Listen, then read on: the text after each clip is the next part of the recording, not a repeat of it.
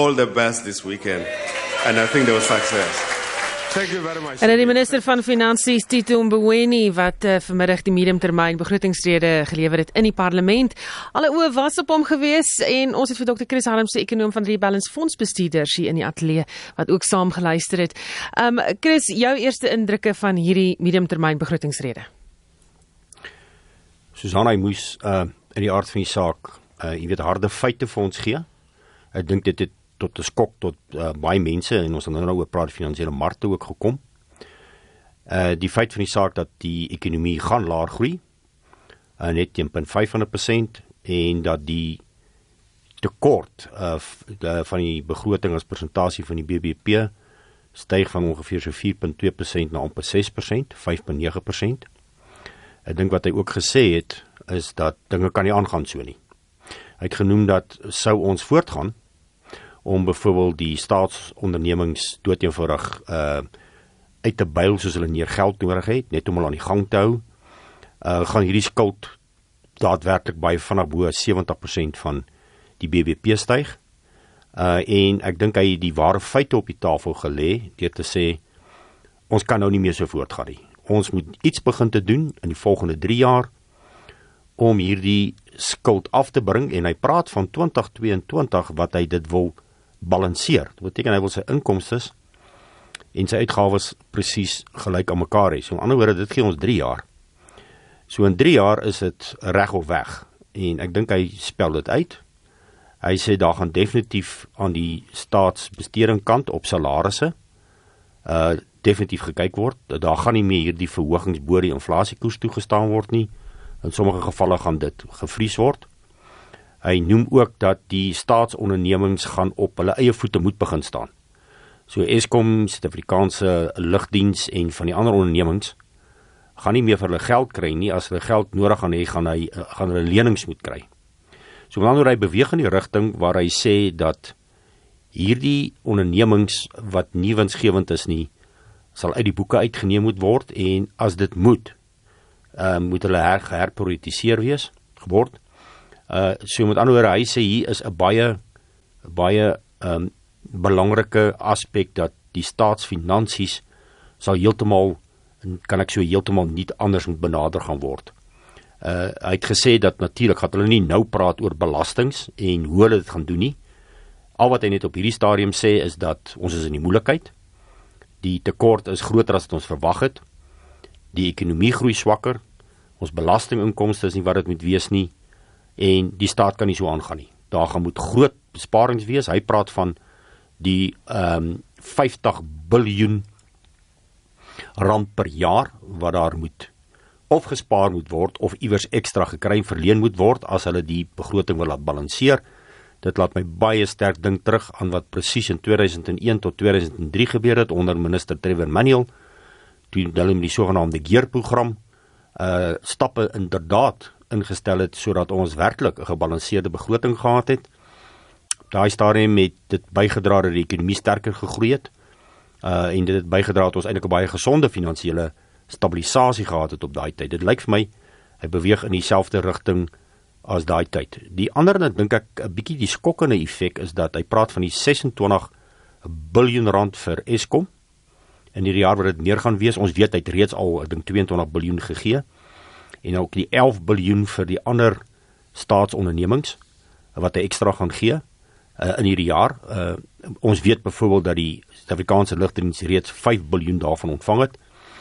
En wat hy wel gesê het is dat dit sou uit die sogenaamde reservefonds uh, betaal word, maar dat daai reservefonds waar hulle besparings wou uh, gebruik het, het nie so gerealiseer soos hy gedink het nie. So dit sit die staat onder verdere druk uh en dit is een van die redes hoekom die tekort veel hoër gaan wees as wat aanvanklik begroot is. Interessant, hy sê as jy die uh ekstra hulp wat hulle moes gegee het uithaal, sou die staat eintlik nou onder sy begrote uitgawes gewees het.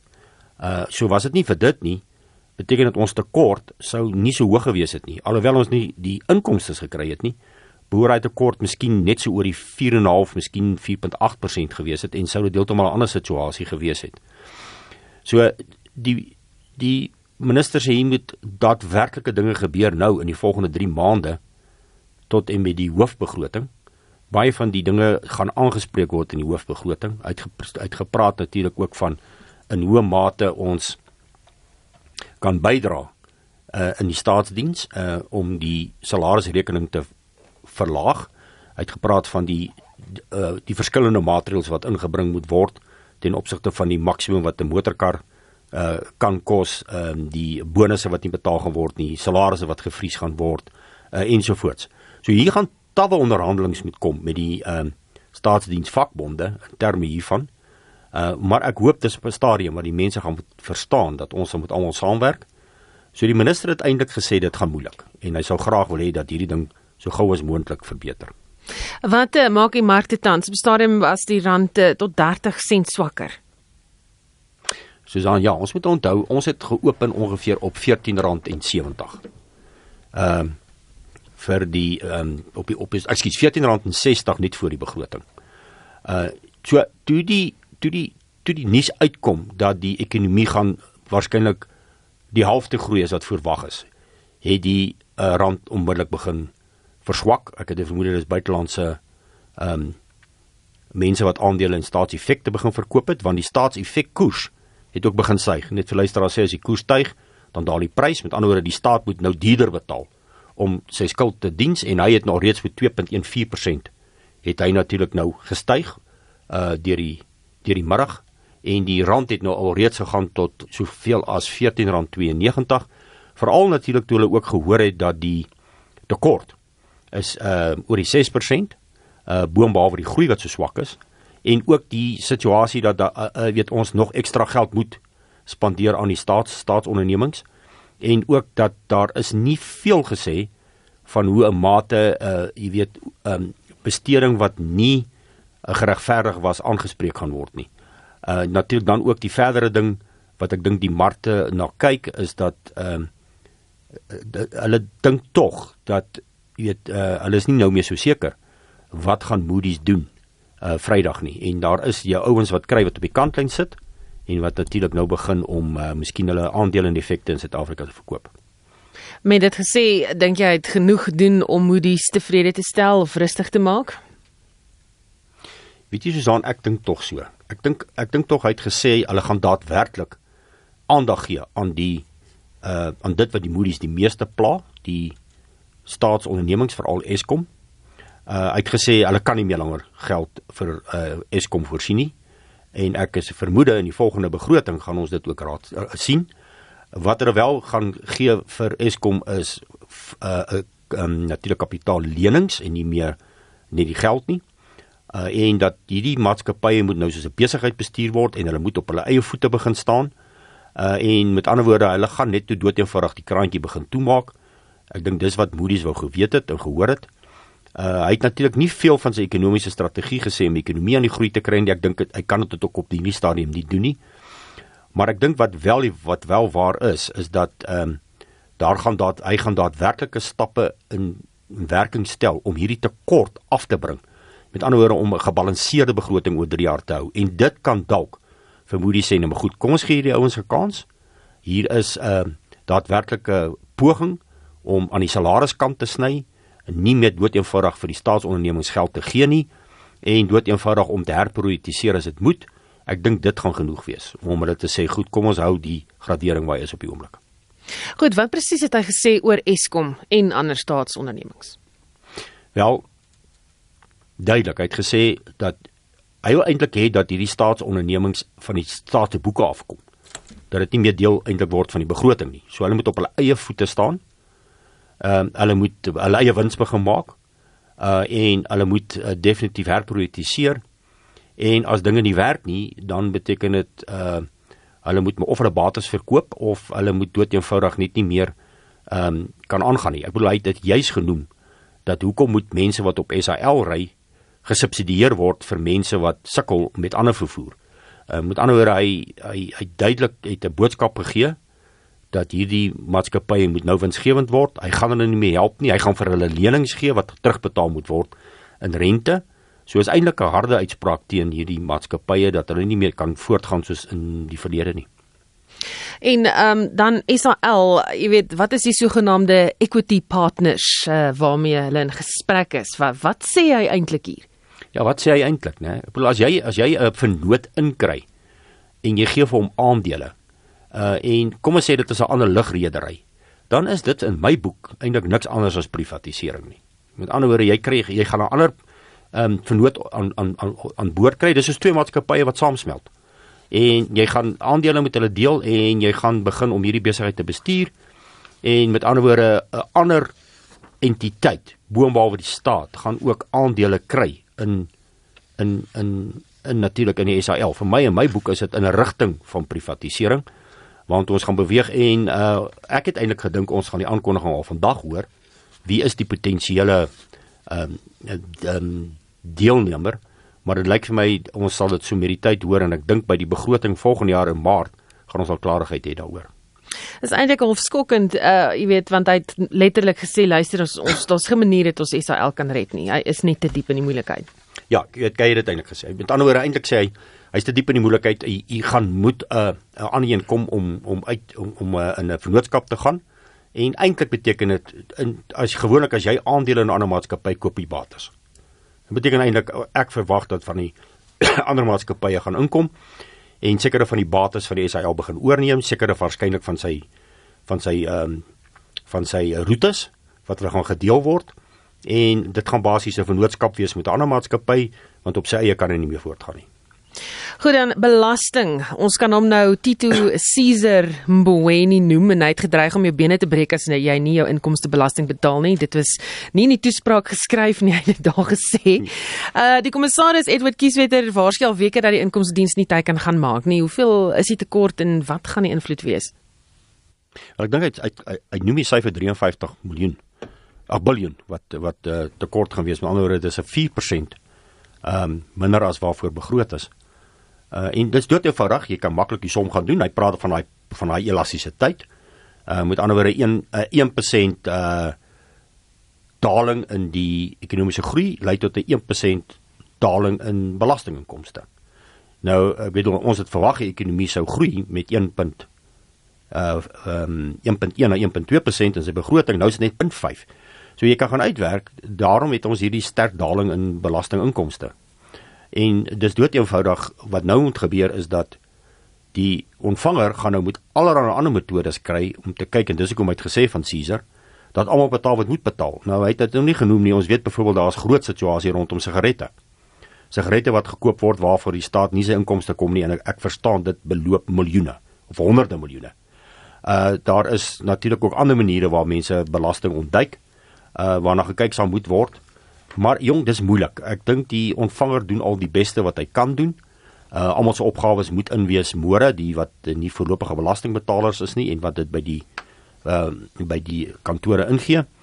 Uh en uh die die die boodskap is dis duidelik. Jy kan nie van die ontvanger verwag nou om daai teiken te bereik nie, nie met hierdie ekonomie wat so pap is nie en maatskappy winste wat nie realiseer nie. Uh en uh dit beteken ons kan nie meer aan die inkomste kant iets doen nie. Uh daar gaan net aan die uitgawe kant gewerk moet word. So gepraat van daardie uh, uitgawe kant uh, salarisse. Ja, kyk, hy het duidelik daar gesê uh dat jy weet die en en en, en almal weet dat die staatsdienste salarisse het gestyg die laaste paar jaar met meer as die inflasiekoers. Terwyl in die privaat sektor dit nie die geval was nie. Um in baie bedrywe en in baie uh, um, sektore uh het die uh in die private sektor het salarisse miskien gelyk aan die inflasiekoers uh gestyg maar in meeste gevalle laer. Hier was die gemiddelde salaris ehm um, stygings met meer as 2% meer as die as die inflasiekoers en hy het inderdaad gesê dit uh kan nie meer nie. Uh en salarisverhoging gaan moet gekoppel word aan prestasie en in sommige gevalle as die prestasie nie daar is nie, beteken dit selfs aflegging. So hy het baie harde woorde daaroor gehad. Uh en ehm um, dit beteken dat uh jy doen moet wat jy doen in enige besigheid. As jy nie kan ehm uh, inkomste en uitgawes ehm um, by mekaar uitbring nie en jy begin verliese toon, dan het jy nie 'n keuse nie. Jy gaan moet of begin mense aflê of jy kan doeteenvoudig nie jou salarisrekening laat styg nie. En hy het ook 'n waarskuwing half of 'n bedekte waarskuwing daar gehad vir die vakbonde. Ja, inderdaad, hy het gesê daar moet gepraat word, daar moet ooreengekom word, maar hy het inderdaad gesê, jy weet daar is nie ruimte vir buitensporige verhogings nie. Daar is nie ruimte, ek dink vir verdere aanstellings nie en daar moet daadwerklik gekyk word na jy weet wat is die rol van elke ehm um, van die onderskeie departemente en waar kan besnoei word.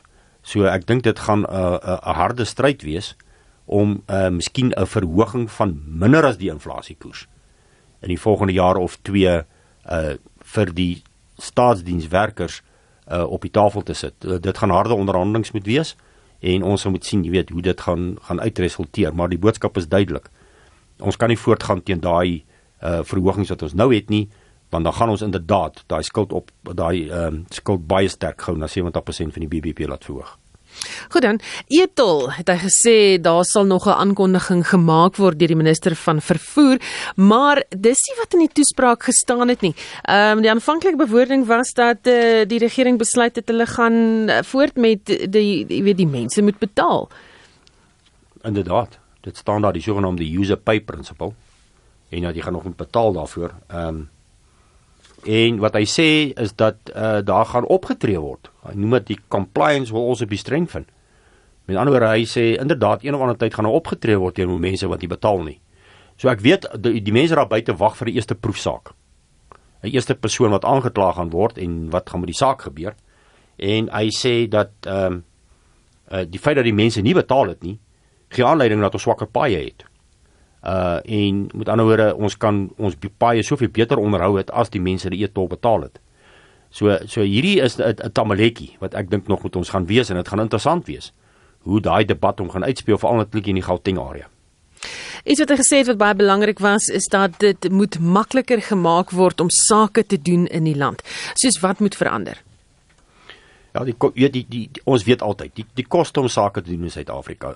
Hulle sal moet bevind moet kyk na goed soos lisensiering uh uh weet um die, al die al die voldoening waaraan maatskappye moet voldoen. Al die reëls en regulasies as jy 'n klein sake wil begin. Um uh hulle gaan doeteenvoudig dit moet baie makliker maak. Mense sal baie gouer um 'n besigheidslisensie moet kan kry. Hy sou baie gouer moet kan begin handel dryf. Uh die staat sal dit vir makliker moet maak. So ons noem dit so die die koste van besigheid want ons weet die koste van besigheid weet in Suid-Afrika is is is baie hoog. Ehm um, en laat mense net jou vertel hoe lank vat dit om 'n lisensie te kry aan al die vereistes wat voldoen moet word. Uh en ons sal daadwerklik moet kyk oor hoe kan ons klein sake help om met baie minder romslomp, jy weet, te begin om besigheid te doen want ongelukkig dis maar die manier wat vorentoe moet gaan en dit is dat die privaat sektor, hy noem dit self die tiny businesses, die kleintjies, uh, 'n rol moet begin te speel. En ons weet dit kan werk as dit reg benader word en om nie in die pad van hierdie mense te staan nie. Hy het vroeg in die toespraak het hy genoem dat uh, China byvoorbeeld mense in China 7% ryker is. Hier is ons Suid-Afrika net 1,3%. Ek voel dubbel dit armer. ja. Ja natuurlik. Weet ek weet oor dit is mos nou weet eh, 'n mens kan dit mos nou sien. As jy 'n ekonomie het wat groei teen 6-7% per jaar.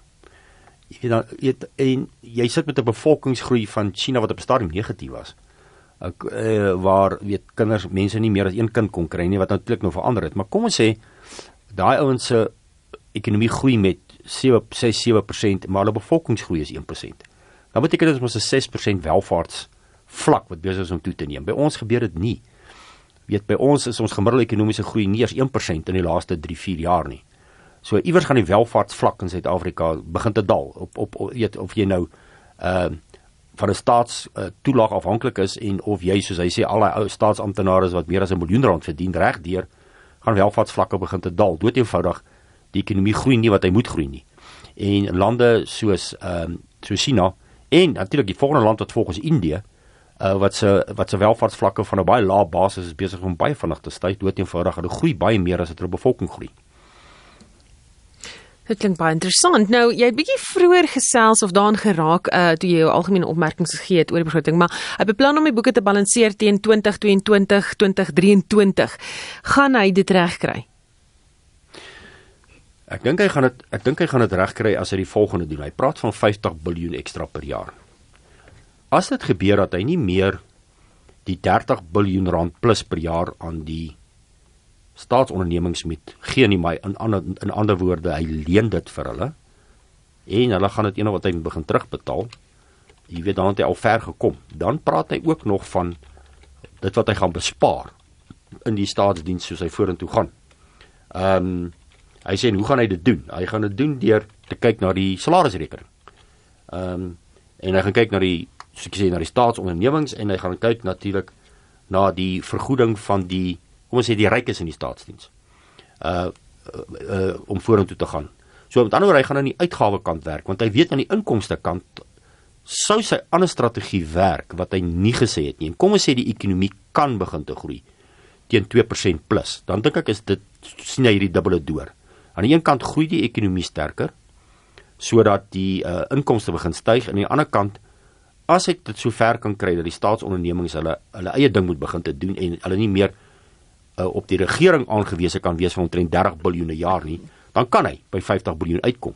Maar ek dink dis 'n teiken. Al, sou hy by 2023 kom dat hy die tekort af het na kom ons sê onder 2%.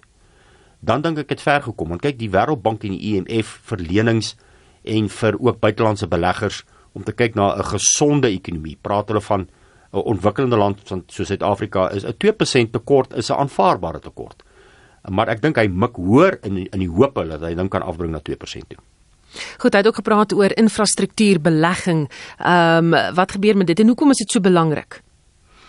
Ja kyk, ons weet ons weet almal dat die regering die, die laaste jare kon eintlik nie geld beskikbaar stel vir investering nie.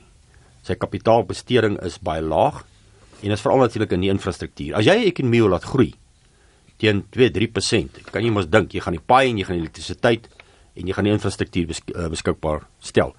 Ek weet nie wat sou met ons gebeur het as gegee die huidige Eskom as hierdie ekonomie gegroei teen 3% nie. Uh hy sou dood eenvoudig net nie dit kon voorsien dit nie. Nou dieselfde is met die infrastruktuur en die paaie. So iewers moet hy begin oor hoe die privaat sektor want hy praat ook van die banke uh aan boord kan kom tesame met hierdie sogenaamde fonds dat hy iewers 'n uh, 'n fonds begin uh om te kyk of hy nie ehm uh, hierdie ehm um, hierdie infrastruktuur weer aan die gang kan kry nie want ons weet dat die infrastruktuur van Suid-Afrika op die oomblik uit so agteruit gegaan dat uh, ons eintlik nie 'n ekonomiese groei van 3% sal kan hanteer nie. Byvoorbeeld ons kyk net byvoorbeeld aan spoorlyne. Ons kyk net byvoorbeeld aan die aan die stand van die paaie. Ons kyk byvoorbeeld ook aan aan aan ander infrastruktuur wat gebou moet word. So jy kan nie 'n uh, ekonomiese plan op die tafel hê maar jou infrastruktuur bly nie by nie. Die president se ondersteuning, hoe belangrik gaan dit wees? Hy het met uh, jy weet in verskeie gevalle het hy direk met die president gepraat. Ja, duidelik. Dis vir my duidelik dat jy weet ek sien dit amper as 'n driemanskap. Ehm um, minister Gordon, hy homself, eintlik is dit 'n viermanskap. Minister Gordon homself, die president en natuurlik meneer Lesetla Kanyago van die Reserwebank. Ons moenie sy rol onderskat nie. So gaan fiskale monetêre beleid saamwerk en ek dink hy wil nou graag die ondersteuning hê van die president om hom te help om hierdie planne tot uitvoer te bring. Uh hy soek nou hierso met ander woorde, hy soek leierskap. En ons weet nou dat die president se beleggings ehm uh, kongres of uh beleggings ehm uh, uh um uh, seminare wat hy gaan hê kongres in die volgende week of 2 uh, dink ek gaan die president hom probeer onder onder, onder ondersteun want uiteindelik as hierdie ekonomie wil groei het ons investering nie net binnelands maar buitelands ook en nou, ons het in die ons het in die in die in die finansiële kant staan en die batebestuurkant weet dat maatskappye sit met baie kontant. Uh hulle is van die meeste kontant wat hulle in 'n baie lang tyd gehad het. Dood nie verrag daar's nie vertroue nie. So uit, ons moet vertroue kry en ek dink hy gaan op die president baie sterk leun om daai vertroue te gee vorentoe daar gaan iets moet gedoen word oor wat met staatskaping gebeur het. So daar sal daadwerklik opgetree moet word sodat daar vertroue in die ekonomie kom. Uh en dan gaan dit hom baie help om besluite te neem om die ekonomie, ekonomie te laat groei. Maar ek dink daardie viermanskap, uh ministers uh, Gordon Beweni, die president en uh meneer Lesetla kan ja goed die president van die Reservebank is baie belangrik want dit is so dat die Reservebank kry dinge in plek. Hy leun teen die wind met sy monetêre beleid hy doen die regte besluite daar en as die vier entiteite baie goed kan saamwerk, kan ons kry dat hierdie ekonomie waarskynlik kan sterker omdraai as ons gedink het. Goed, laaste opmerking van jou kant af. ek dink dit is belangrik dat ons moet weet dat hierdie is nie die hoofbegroting nie. Hy het dit aan die begin gesê. Uh hy het vir ons gesê dat ons het verder uh verswak sedert hy die hoofbegroting gelees het. Uh in die sin dat die belastinginkomste is nie daar nie. Die ekonomie groei nie en dat ons ons skuld het uh, nou eintlik te ver gegaan en dat hy ons sal nou moet daadwerklik optree om dit te hanteer en hy het uh, gewaarsku uh dat hy aan die salarisrekening gaan werk. Hy gaan werk ook aan uh die uh staatsondernemings wat op hulle eie voete sal moet staan want ons het eintlik nie 'n keuse nie. Wat ook baie belangrik hier is is dat die wat hom baie bekommerd en ek het dit nou gesien is dat die rente rekening die diens van die skuld, die rente raak nou die tweede meeste. Ehm um, na die uh onderwys en sosiale on, um, ontwikkeling uh raak hy hy raak nou hierso by die oor die 13% van die BBP en ons kan nou hoë dienste rekening dood eenvoudig net nie meer bekostig nie. So hy wou net eintlik in hierdie toespraak vandag gesê ons is in die moeilikheid en ons gaan moet in die volgende 3 jaar daadwerklike dinge in plek sit om dit te doen. Weereens hoop ek dit is soos wat dit in die verlede is nie dat dit 'n plan op die tafel is en dat dit nie uitgevoer word nie en hooplik kan ons sien uh, dat daar ondersteuning gaan kom in die volgende 3 weke, 4 weke baie belangrik. Nommer 1, wat gaan Amerika vanaand met hulle rentekoerse doen? Uh wat gaan Vrydag gebeur met ons afgradering? Wat gaan gebeur met die president se uh beleggings uh, seminare wat hy gaan hou? En heel laaste, wat gaan oor 'n maand gebeur met ons eie rentekoerse? Nou, daardie gaan alles 'n belangrike effek hê oor hoe ons die res van die jaar vorentoe gaan uh en of dit dinge gaan begin stabiliseer en verbeter. So ons sal moet dophou dat die voor die nuwe begroting in Februarie is nie 'n lang tyd nie. En hooplik gaan daar meer daadwerklike planne dan op die tafel kom. Maar vir my is die hoofboodskap hier ons is nou in die moeilikheid. En met daardie boodskap groet ons. Dit was Dr. Chris Harm se ekonom van Rebalance Fondsbestuurders. Dit was ons spesiale uitsending van die mediumtermyn begrotingsraamwerk. Ons uh, groet namens ons voornemende uitvoerende regisseur Hendrik Martin, die redakteur John Esterhuizen en produksieregisseur Lewona Bekes. My naam is Susan Paxton. Geniet die res van jou middag.